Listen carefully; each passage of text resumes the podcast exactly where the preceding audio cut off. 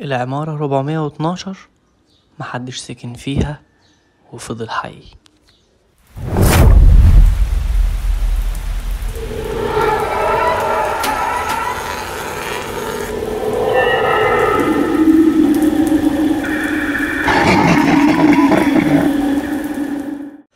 العمارة رقم 412 بطريق الحرية منطقة رشدي في الإسكندرية المعروفة بعمارة رشدي. من أشهر العماير اللي كترت حواليها أقاويل الرعب والغموض وإن محدش بيسكن فيها ويفضل عايش لدرجة إنها اتعرفت بعمارة العفاريت. العمارة اتبنت سنة 1961 وفي أقاويل بتقول إن صاحب العمارة هو خواجة يوناني. بعد ما خلص بنى العمارة طلع رحلة صيد هو وعياله بس غرقوا كلهم.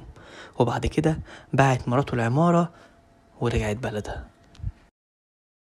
اشترى العمارة دي تاجر أخشاب كبير اسمه محسن بيك. قرر إنه يبيع كل شقة لوحدها. لكن مع أول أسرة سكنت في العمارة دي حصل حريق كبير في الشقة ومات رب الأسرة. وده خلى بقية العيلة يقرروا يبيعوا الشقة تاني. وبعد فترة قرر طبيب إنه يشتري شقة في العمارة دي عشان يعملها عيادة. وبعد ما نقل كل الأجهزة الطبية الخاصة بيه في الشقة وقبل افتتاح العيادة بكام يوم مات في حادث بشع وكان في مستثمر أجنبي قرر إنه ياخد الدور التالت والرابع في العمارة ويفتحهم شقة كبيرة. لكن بعد مرور أيام من بداية شغله حصلت له كارثة كبيرة جدا وأعلن إفلاسه ورمى نفسه من الشباك وانتحر. ومن كتر الأحداث دي خلى العمارة سمعتها سابقاها وخلت سعرها يوطى جدا. فقرر شاب إنه يشتري شقة في العمارة دي عشان يتجوز فيها.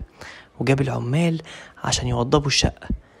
لكن العمال كانوا بيسمعوا أصوات غريبة فيها وفضلوا يحذروا العريس من الموضوع ده لكن هو ما كانش يصدق. وبيقول إن كل دي خرافات. وفي يوم الفرح وأول ما دخل العريس والعروسة الشقة لقوا بقع دم على الحيطان في كل مكان وحنفيات الشقة كلها اتفتحت ونزلت دم كتير جدا.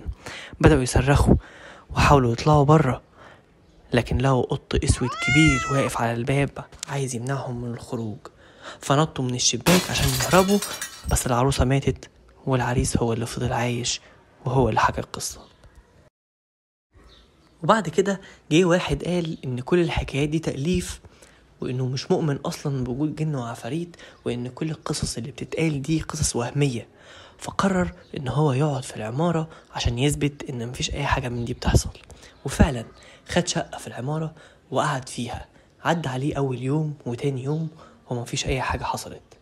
لكن في اليوم السابع لقوه بيجري بره العمارة وعلى وشه علامات رعب وفزع شديد جدا.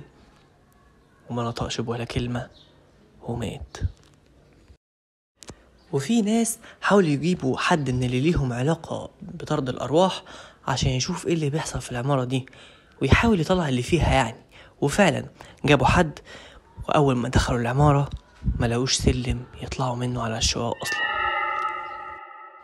الموضوع انتشر جدا لحد ما في مجموعة من الشباب قرروا الدخول للعمارة دي عشان يشوفوا إذا كان اللي بيتقال عليها ده حقيقي ولا لأ.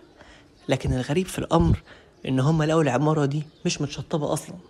وده بينفي كل القصص اللي بيتقال عليها إن في حد حاول يسكن في العمارة. اشترى بعد كده العمارة شركة اسمها هيرتاج وصاحبها المهندس عمرو حبيب وغير تصميمها تماما من بره ومن جوه. وبعد ما غير تصميمها العمارة بقى شكلها مختلف جدا والعمارة دي سكنت بالكامل وما حصلش فيها أي حاجة من القصص اللي اتقال عليها. يا ريت تقول لنا إيه رأيك؟ ولو عندك أي قصة أو معلومة عن العمارة دي يا ريت تسيبها لنا في الكومنتات ويا ريت تقولوا لنا إيه هي المواضيع اللي عايزين نتكلم فيها في الحلقات الجاية.